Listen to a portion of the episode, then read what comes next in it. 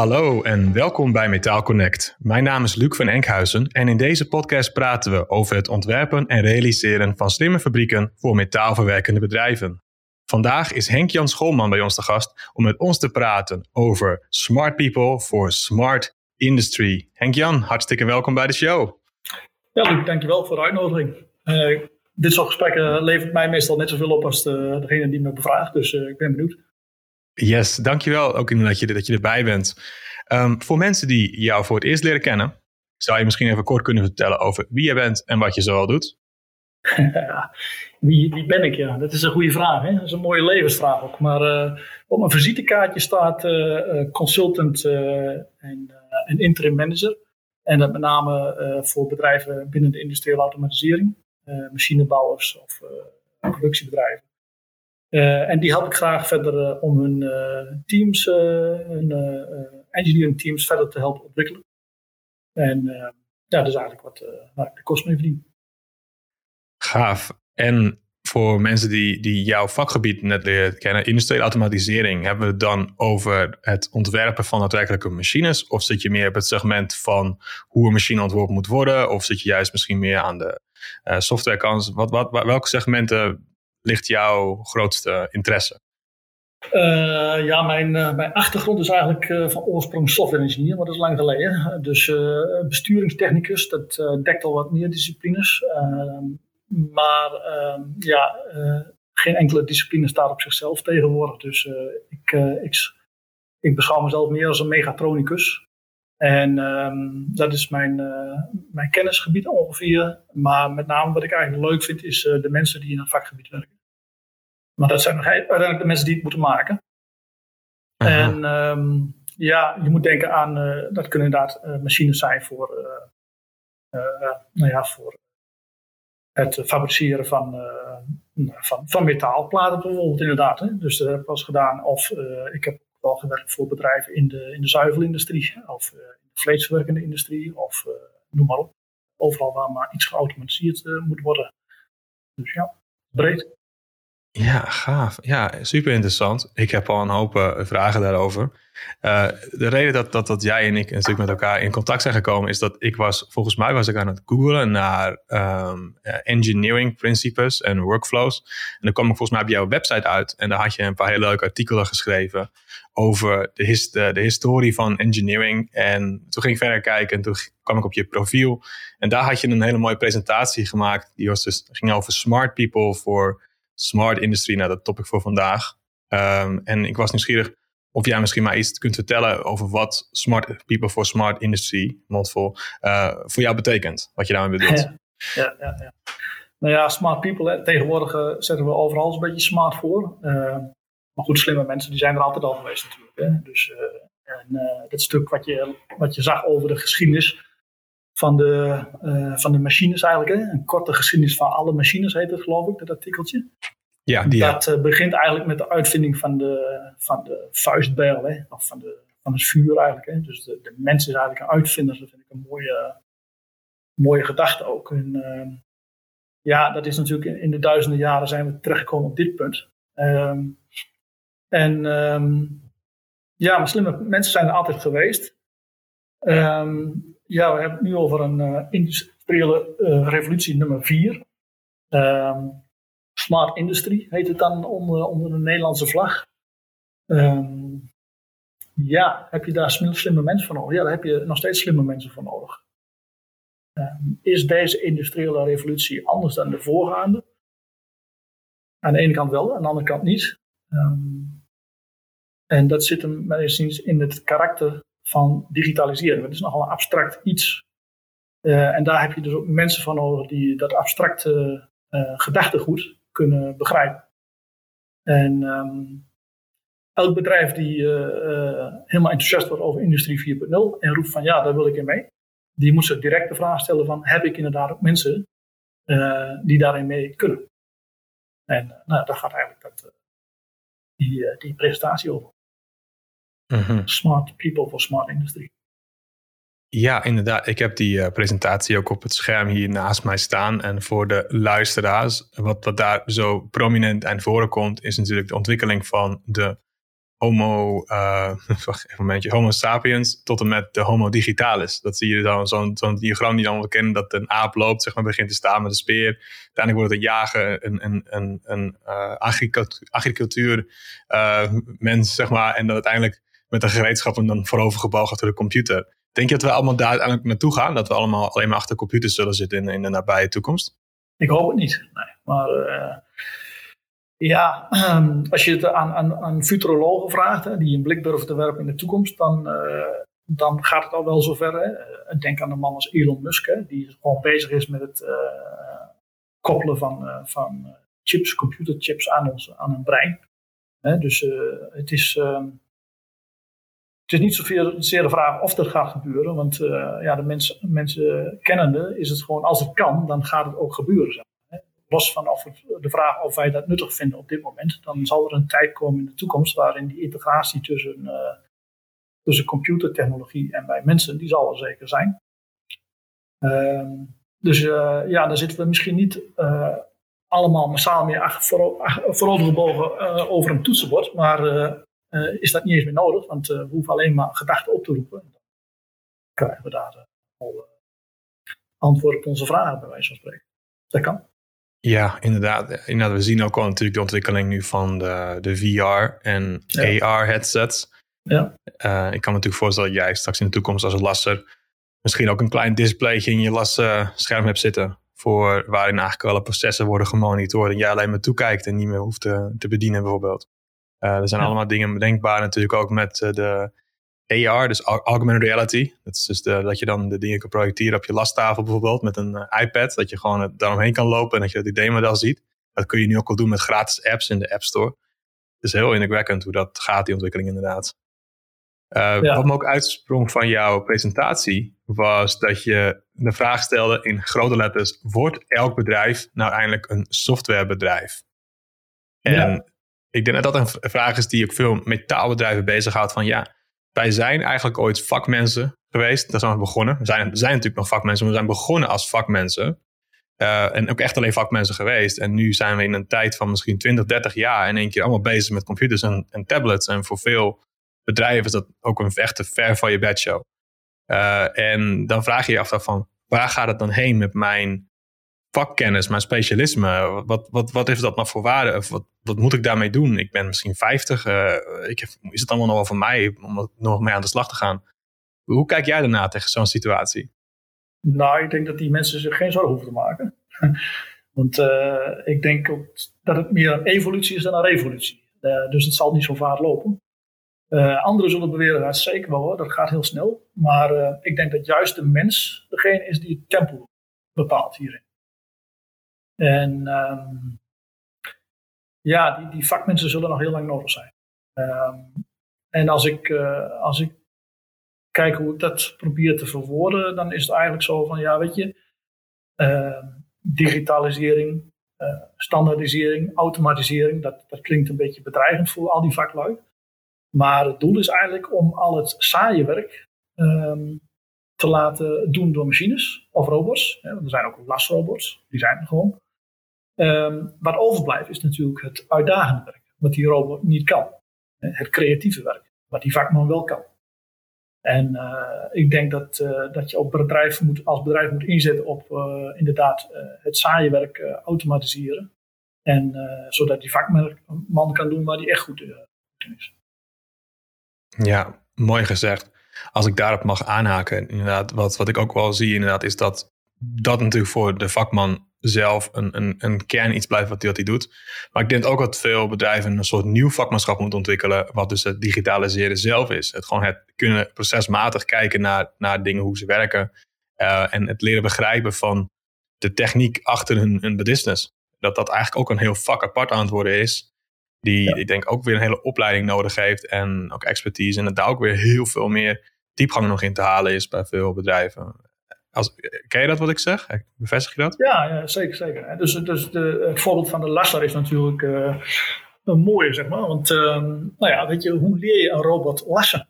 Ja, dat betekent dat je kennis uit het hoofd van die man, hè, wat, hij, wat hij in zijn vingers heeft, dat vingerspitsengevoel, het verschil tussen een mooie las en een, en, een, en een niet zo mooie las, tussen een goede en een slechte las. dan moet je op de een of andere manier in een ja, geautomatiseerd systeem zien te krijgen.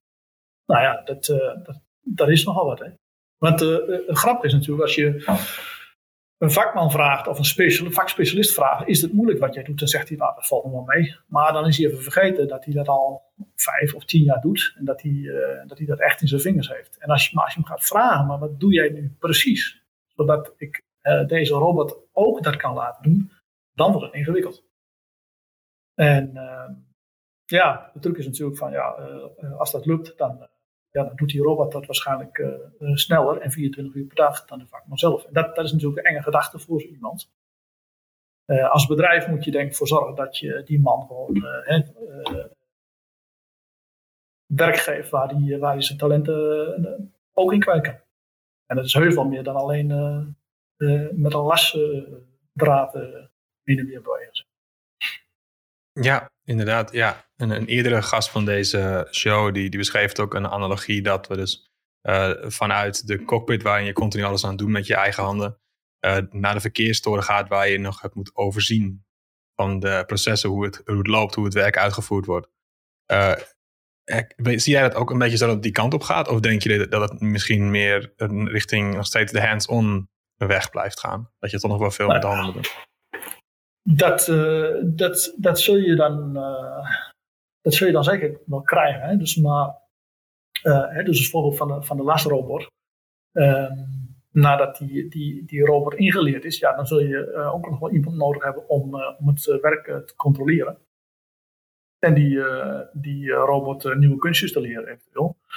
Maar ik kan me ook goed voorstellen dat zo'n lasser zegt van ja, maar weet je, dat is niet, wat ik, dat is niet waar ik lol in heb. Hè. Dat ligt mij niet. Het, is niet. het aard van het werk wordt anders. Hè. En dat is natuurlijk wel iets uh, waar je als bedrijf ook rekening mee moet houden. Um, en dan, uh, ja, dan zou je als bedrijf jezelf en je werknemers tekort doen door zo iemand maar gewoon af te schrijven van ja, uh, ik, had dan lastig, maar die heb ik niet meer nodig, want ik heb nu een lastrobot.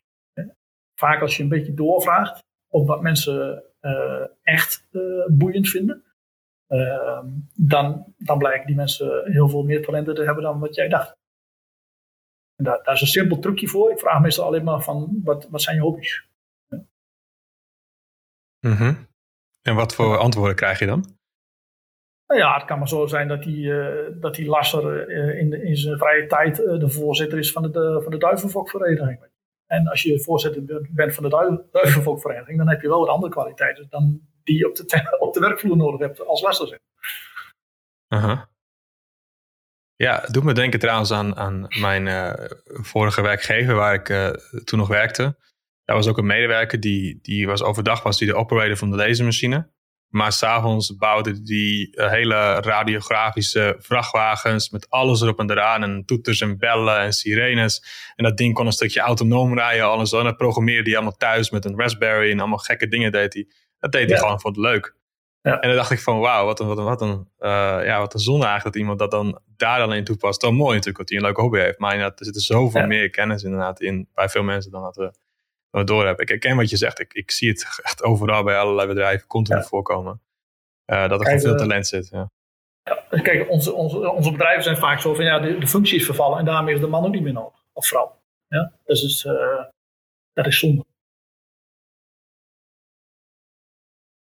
De functie is vervangen, vervallen en okay, de functie is vervallen en daardoor heb je de mensen niet meer nodig. Dat, dat lijkt me niet een juiste denkwijze, want uiteindelijk er is, zo, er is nu een gigantisch tekort aan mensen die ook maar iets kunnen bijdragen aan het bouwen van de machine dat het bedrijf is natuurlijk, toch?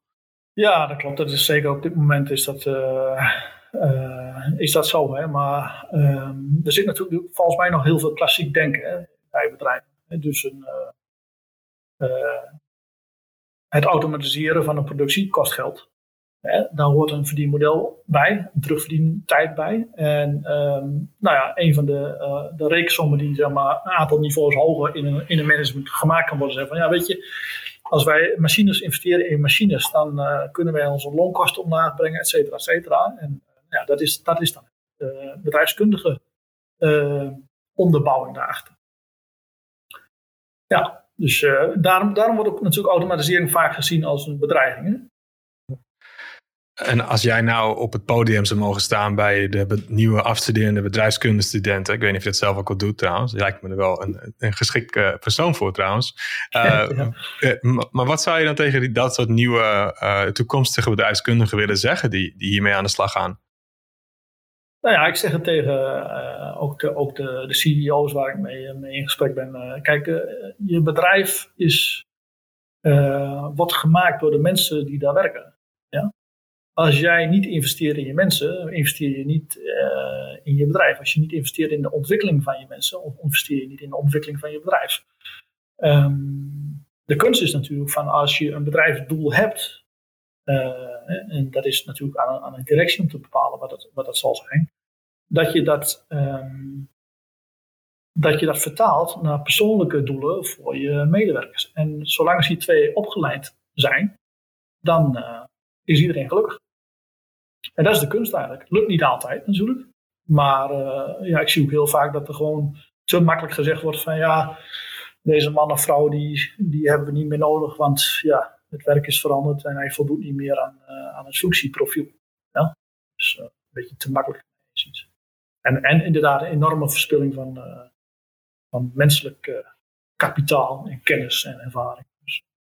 Ja, er zit natuurlijk zoveel ervaring natuurlijk in, in, het, in het bedrijf al die je kan omzetten naar een systeem, een proces of een betere dienstverlening. En uiteindelijk, als het dan eenmaal geautomatiseerd is, dan kun je die persoon weer het volgende laten automatiseren. En waardoor allemaal de output weer kan toenemen, de productiviteit kan toenemen. Ik denk inderdaad, efficiëntie of kostendrukken niet echt de juiste maatstaf is voor digitalisatie. Want de, de, de, de terugverdientijd, ROI, is natuurlijk maar een klein component. Het gaat denk ik om de kwalitatieve aspecten, hoe je dus je bedrijf beter maakt met betere dienstverlening, betere service, betere relaties. En hoe je dus beter voor elkaar kunt zorgen, ook met als bedrijf zijnde voor je medewerkers. Dat je dus niet, niet meer die 40 euro te knallen, maar misschien dat je iets minder kan doen en iets creatiever aan het werken gaan. Er zijn natuurlijk wereldwijd ook allemaal uh, initiatieven bezig met experimenten voor kortere werkweken, flexibele uren.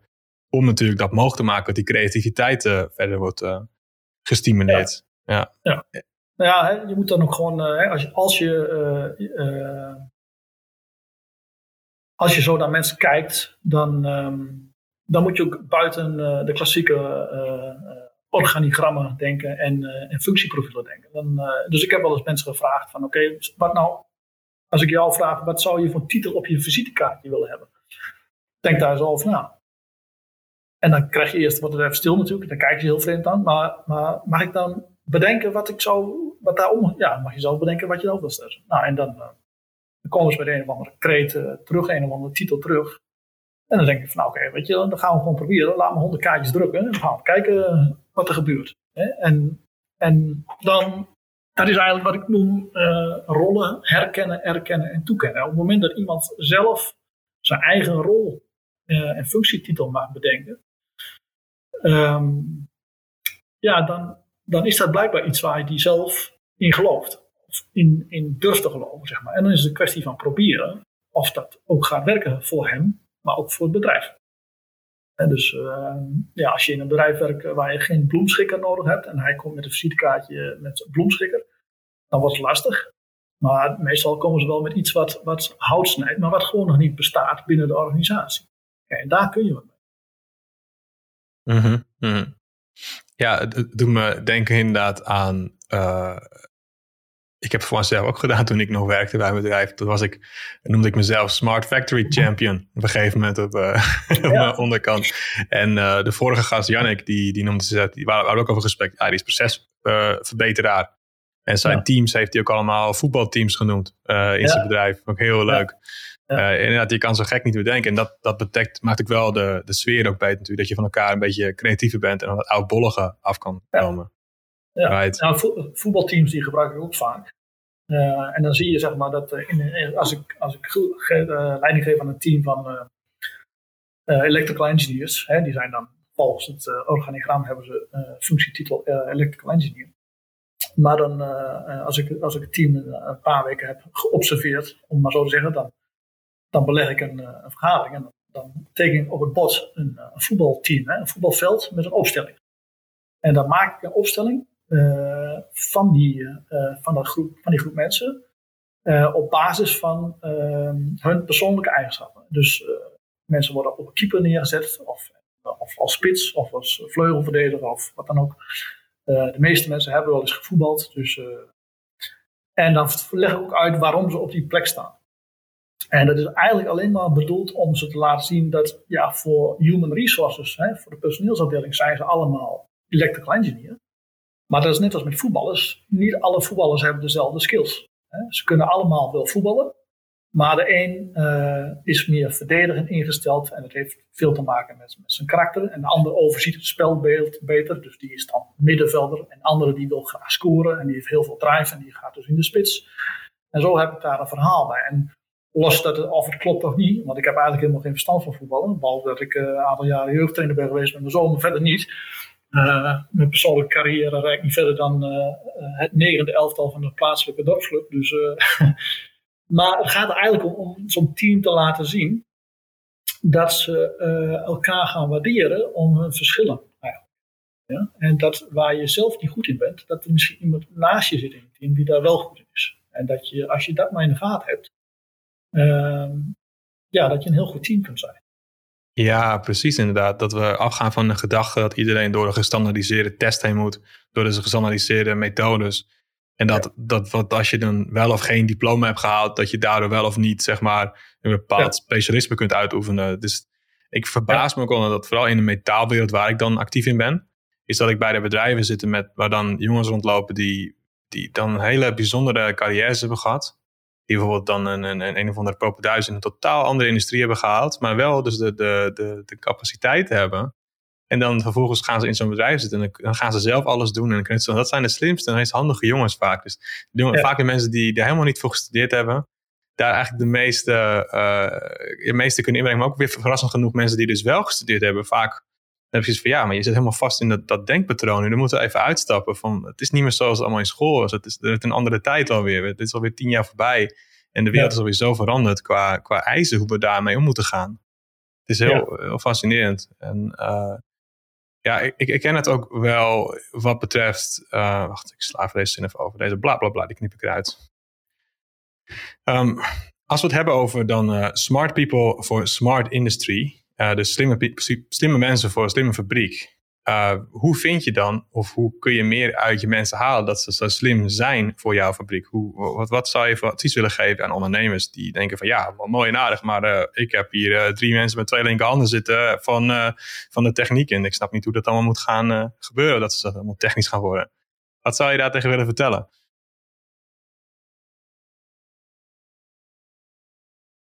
Wat mij vaak wel opvalt is dat, uh, dat je in het bedrijfsleven, zeg maar, uh, zie je mensen worstelen met, met digitale technologieën. maar zo gauw als de deur uitlopen, pakken ze hun smartphone en dan kunnen ze in één keer heel veel. Hè, hebben ze, een appje, ze een appje voor alles. En voor, ieder, voor elk probleem is wel, elke, uitdaging is wel, is wel een appje te installeren of te vinden. Dus ik denk dat het heel vaak een, geval is van dat de technologieën die we gebruiken gewoon niet gebruikersvriendelijk zijn. En uh, het is heel moeilijk om iets wat ingewikkeld en complex is, om dat eenvoudig te maken. Zeg. Om het uh, eenvoudig te maken in gebruik en gebruikerservaring. En werken in, uh, in de techniek is gewoon ingewikkeld en complex. Ja, dus, dus om dat laagdrempelig en toegankelijk te maken, dat, is, dat kost gewoon veel moeite. Ja. En daar wordt denk, denk ik heel makkelijk over gedacht. Je noemde in het begin al de, de uh, augmented reality uh, bril. Nou, dat is een heel mooi voorbeeld. Um, op het moment dat je zo'n bril opzet, dan heb je alleen nog maar een bril. Maar de informatie die je daar wilt presenteren, als die als je dat bruikbaar wilt zijn, dan moet het natuurlijk gepresenteerd worden op een manier die uh, helder is en uh, eenduidig is en um, ondersteunend is. Hè? Dus het moet de gebruiker wat opleveren. Um, en dat betekent dat je heel veel tijd en moeite moet gaan uh, steken in het verzamelen en, en, beschikbaar maken van informatie. En bij de meeste bedrijven is dat natuurlijk een, ja, eigenlijk een chaos. Ja, de hele informatiehoop is natuurlijk een chaos. Ja. ja. Ja, het vereist inderdaad wel inventief zijn. Maar denk je dat bedrijven dan uh, afwachten, als zij nu zeg maar, op zoek zijn naar, naar die, die menselijke kennis, die, die expertise, uh, hoe denk jij dat de balans moet zijn enerzijds tussen het inkopen van kennis of het uh, inhuren van nieuw personeel versus het bijvoorbeeld intern uh, trainen van mensen op basis van trainingsprogramma's en dergelijke. Hoe denk jij dat die balans een beetje moet liggen bij de meeste bedrijven? Of waar zou dat aan kunnen liggen? Ik denk dat je eerst even uh, terug moet naar het, uh, wat al eerder voorbij kwam, is dat je natuurlijk ehm, die mensen hebt, nodig hebt die informatie kunnen bewerken en klaarzetten en de mensen die de informatie moeten consumeren. Ja? ja. Dus ehm, ja, die, die man die, die eerst lastig wordt, wordt hij een informatieconsument of wordt hij degene die de informatie klaarzet voor de robot? Ja, dat, dat hangt er vanaf van zijn persoonlijke interesses. Right, dus dat is het voetbalteam wat je zegt. Zijn ze, zijn ze wel digitaal aanvaller of zijn ze digitaal verdediger in die zin dan? Nou ja, dat, de, ja maar dat is ook. Ja, de keeper. Precies, maar dat, dat heeft, heeft gewoon ook te maken met, met persoonlijke interesses. Hè. Dus je, je moet mensen natuurlijk niet dwingen om uh, dingen te gaan doen die ze niet leuk vinden. Ja. Uh, als ze mm -hmm. het niet leuk vinden, zijn ze niet goed in. Um, ja, dat is, dat is het eerste onderscheid wat je moet maken. En daarna is het eigenlijk de keuze van, uh, ja, wil, wil ik dat in eigen beheer gaan doen of wil ik dat uitbesteden? Dat is een, uh, dat moet, dat is een lastige, dat kan ik niet voor bedrijven uh, beantwoorden. het probleem is natuurlijk dat er over het algemeen weinig mensen zijn die, die digitalisering, hè, dus het beschikbaar maken van kennis, van, eh, van informatie, dat, dat die, eh, die zijn er niet zoveel. Hè. Dat vraagt een bepaald abstract denkniveau. Denken in processen, denken in informatiestructuren. Dat, is, eh, ja, dat zijn er niet zoveel. Um, dus ja, dat, dat is meestal een reden om het dan toch uit te besteden. Ik zie vaak wel dat het uitbesteed wordt omdat men er gewoon wat te makkelijk over denkt. Men, men, men ziet het niet als core business. Dus ik, ik ben bij bedrijven geweest die zeggen ja, wij willen, wij willen gaan uh, digitaliseren. Hè, dat is een strategisch uh, doel hè, voor de komende jaren. Mm Nou ja, het is, niet een, het is niet een doel voor de komende jaren. Het is, het is gewoon gaande. Het is een weg die je ingaat en daar ga je nooit meer vanaf komen. Hè, het, is, uh, het is niet zoiets dat je. je kunt het ontkennen, maar vroeg of laat ga je hier in mee moeten. Dus ehm, dan is de volgende vraag: van, ja, Ga ik dat uitbesteden of niet? Ja, de mensen die, die jouw kennis en informatie gaan digitaliseren, die weten meer van jouw bedrijf dan jijzelf. Dus de vraag is van, ja, wil je dat buiten de deur hebben of niet? Eh, als, je, als je als strategische doelstelling hebt, wij gaan digitaliseren. En als antwoord op mijn vraag van hoeveel mensen op jullie IT-afdelingen heb je werken? Ja, dat zijn er twee. En wat doen die dan? Ja, die zorgen al voor dat de printer en de netwerken doet. Oké. Hebben jullie, oh hebben jullie de rol van, van applicatiebeheerder al, of functioneel beheerder al herkend, erkend en toegekend? Hebben jullie al iemand uh, die verantwoordelijk is voor uh, digitalisering over de hele bedrijf? Of, nee, nee, nee, is dan het antwoord. Nou ja, die zijn nog niet, uh, die zijn zich nog niet bewust van, van de impact van, van digitalisering. Dus ja, die zijn daar blijkbaar nog niet aan toe. Ja, in, nou, dit, is inderdaad, dit slaat de spijker op zijn kop. Want inderdaad, de, de, het, de, de, de, kern is, het is dat dus digitalisering is geen doel op zich. Het is een proces. Industrie 4.0 is, uh, is een marathon, niet een korte sprint. Je moet continu daaraan werken. En natuurlijk, een, een, of een, een team, een voetbalteam kan je het ook noemen inderdaad. Je moet het championship maar door kunnen spelen, niet één wedstrijd spelen. Is meerdere wedstrijden, meerdere oefeningen, meerdere interlands. Op een gegeven moment dan kom je op dat level. Um, ik heb ondertussen ook, dus ik zeg, ik heb jouw presentatie op het scherm staan. En daar beschrijf je ook het team. Daar moet je mensen hebben zoals een applicatiebeheerder, een proceseigenaar, een systeemarchitect, een productbeheerder. Um, allemaal titels die inderdaad heel belangrijk zijn voor mij voor een digitale toekomst van je bedrijf. Um, voor bedrijven die nog helemaal niemand van die mensen hebben en die nu gewoon hun digitalisatie bij een stagiair onderbrengen, uh, of misschien zelf uh, s'avonds laat nog aan het uh, knutselen zijn als directie of manager. Waar zouden ze moeten beginnen, denk je? Wat zou eigenlijk de eerste move moeten zijn qua, qua teambuilding of qua visitekaartjes die, die je nodig zou hebben om hier een eerste kleine stap aan te kunnen geven? Ja, dat begint bij, bij, bij, bij de mensen. Ja. Dus dat begint bij rollen herkennen, erkennen en toekennen. Dus ja, als jij als directie het idee hebt van, ehm, nou ja, we gaan digitaliseren en je kunt het je kunt het op een heldere manier uitleggen wat daar de gedachte achter is en waarom je dat wilt.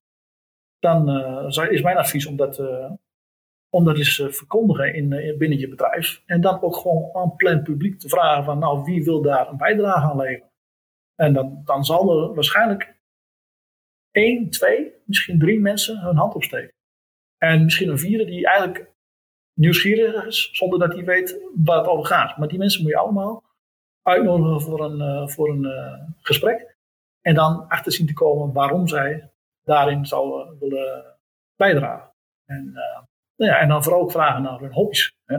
Want misschien is er, is er, zit daar wel iemand tussen die inderdaad heel handig blijkt te zijn met computers, maar die dit alleen maar thuis s'avonds in, in de avonturen als hobby doet. Maar dat wist je niet. Iemand die website bouwt of zo, dat wist je niet. Ja. Nou ja, en dat, dat is dan binnen je eigen bedrijf. Uh, dat is natuurlijk, uh, ja, ik denk dat je over het algemeen wel mensen zult vinden die daar wel, die daar wel in mee willen. je zult misschien niet mensen vinden die dat al kunnen.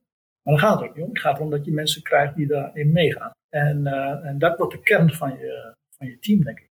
En dat kun je dan ja, de, de, komende tijd aan gaan vullen met nou ja, inderdaad, stagiaires voor hand- en spandiensten. Want er moet natuurlijk ook gewoon veel data gewoon verzameld worden, informatie verzameld worden, opgeschoond worden.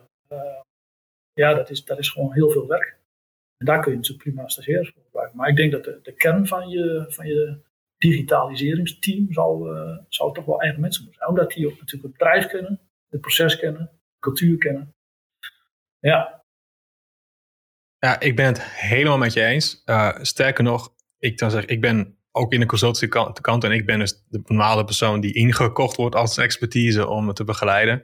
En ik kan ook absoluut bevestigen uit de twintigtal bedrijven die ik heb misschien geholpen in de laatste vijf, zes jaar. Dat iedere keer als ik een champion kan vinden in het bedrijf, noem ik hem altijd. Degene die zelfs het dichtst op het proces zit. Die er dagelijks uh, met de handen en, en, voeten eromheen loopt en kijkt en probeert en, en tegen de machine uh, gaat die knop in gaat drukken en dan belt naar de support. Zo iemand die echt er bovenop zit uit passie of die zelf dingen aan het ontwikkelen en bouwen is, is de beste persoon die je kunt hebben voor digitalisatieprojecten. Als er zo iemand in bedrijf zit waar ik aan de slag ga en ik kan die persoon vinden, dan ga ik het liefst met hem meteen in een project samenwerken en dan geef ik een hoop taken die ik normaal zelf doe, dan laat ik ze tegen die persoon controleren. Dan zeg ik, oh kijk, ik heb dit nu hier ingeregeld, deze tabellen zijn nu zo ingeregeld, wat vind je daarvan? Wat zie jij nog? En dan krijg ik altijd de beste feedback terug van, wacht even, achter in het magazijn ligt nog dit en dit en dit. Of wacht even, we hebben hier nog een pakket voor liggen, dat hebben we toen al een keer gekocht, dat kun je gewoon gebruiken. Of wacht even, dit materiaal, dat, dat maken we helemaal niet zo, dat is een speciaal dingetje, dat staat in die catalogus op pagina 120. Oh, wacht even, dat is een goed idee. En dat soort mensen zijn echt de, de, de, de meest waardevolle mensen. En als je de één hebt, goed, heb je de twee, nog beter, drie, nog beter. Hoe meer mensen er zijn die, die inderdaad er bovenop zitten, hoe beter digitaliseringsprojecten kunnen gaan en hoe beter ik ook kan begeleiden in, die, in dat soort vraagstukken. Want mijn specialist bijvoorbeeld is de echte architectuur. Het bedenken van de, de, de dataflows door het hele bedrijf heen. Maar goed, dat begint natuurlijk allemaal weer met de vraag van waar wil je heen? Wat moet het proces doen en wat is jullie specialisme? Wat, wat, wat willen jullie leven? En als die vraag niet goed beantwoord wordt, dan wordt het heel moeilijk om daar een, een oplossing voor te maken.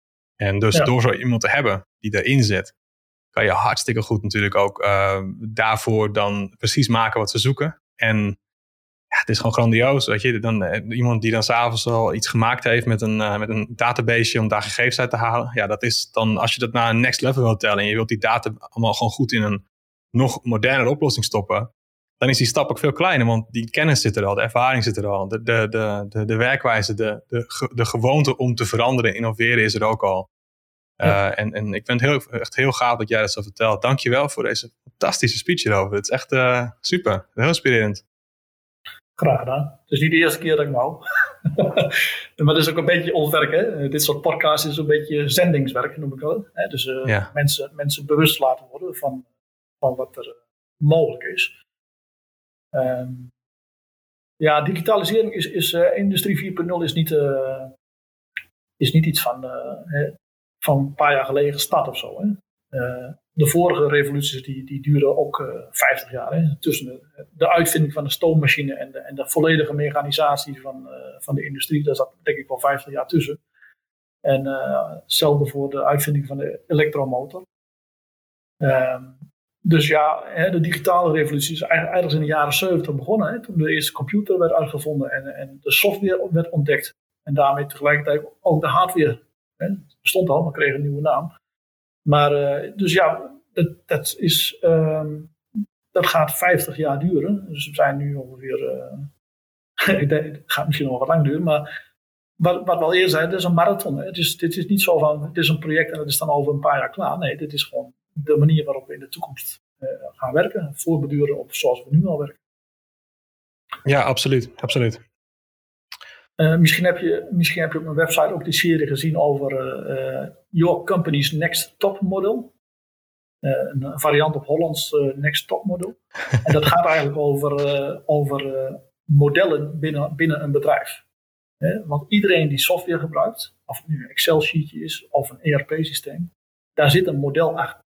Er zit een datamodel achter. Alleen wij praten daar niet zo over en we zien dat ook niet zo.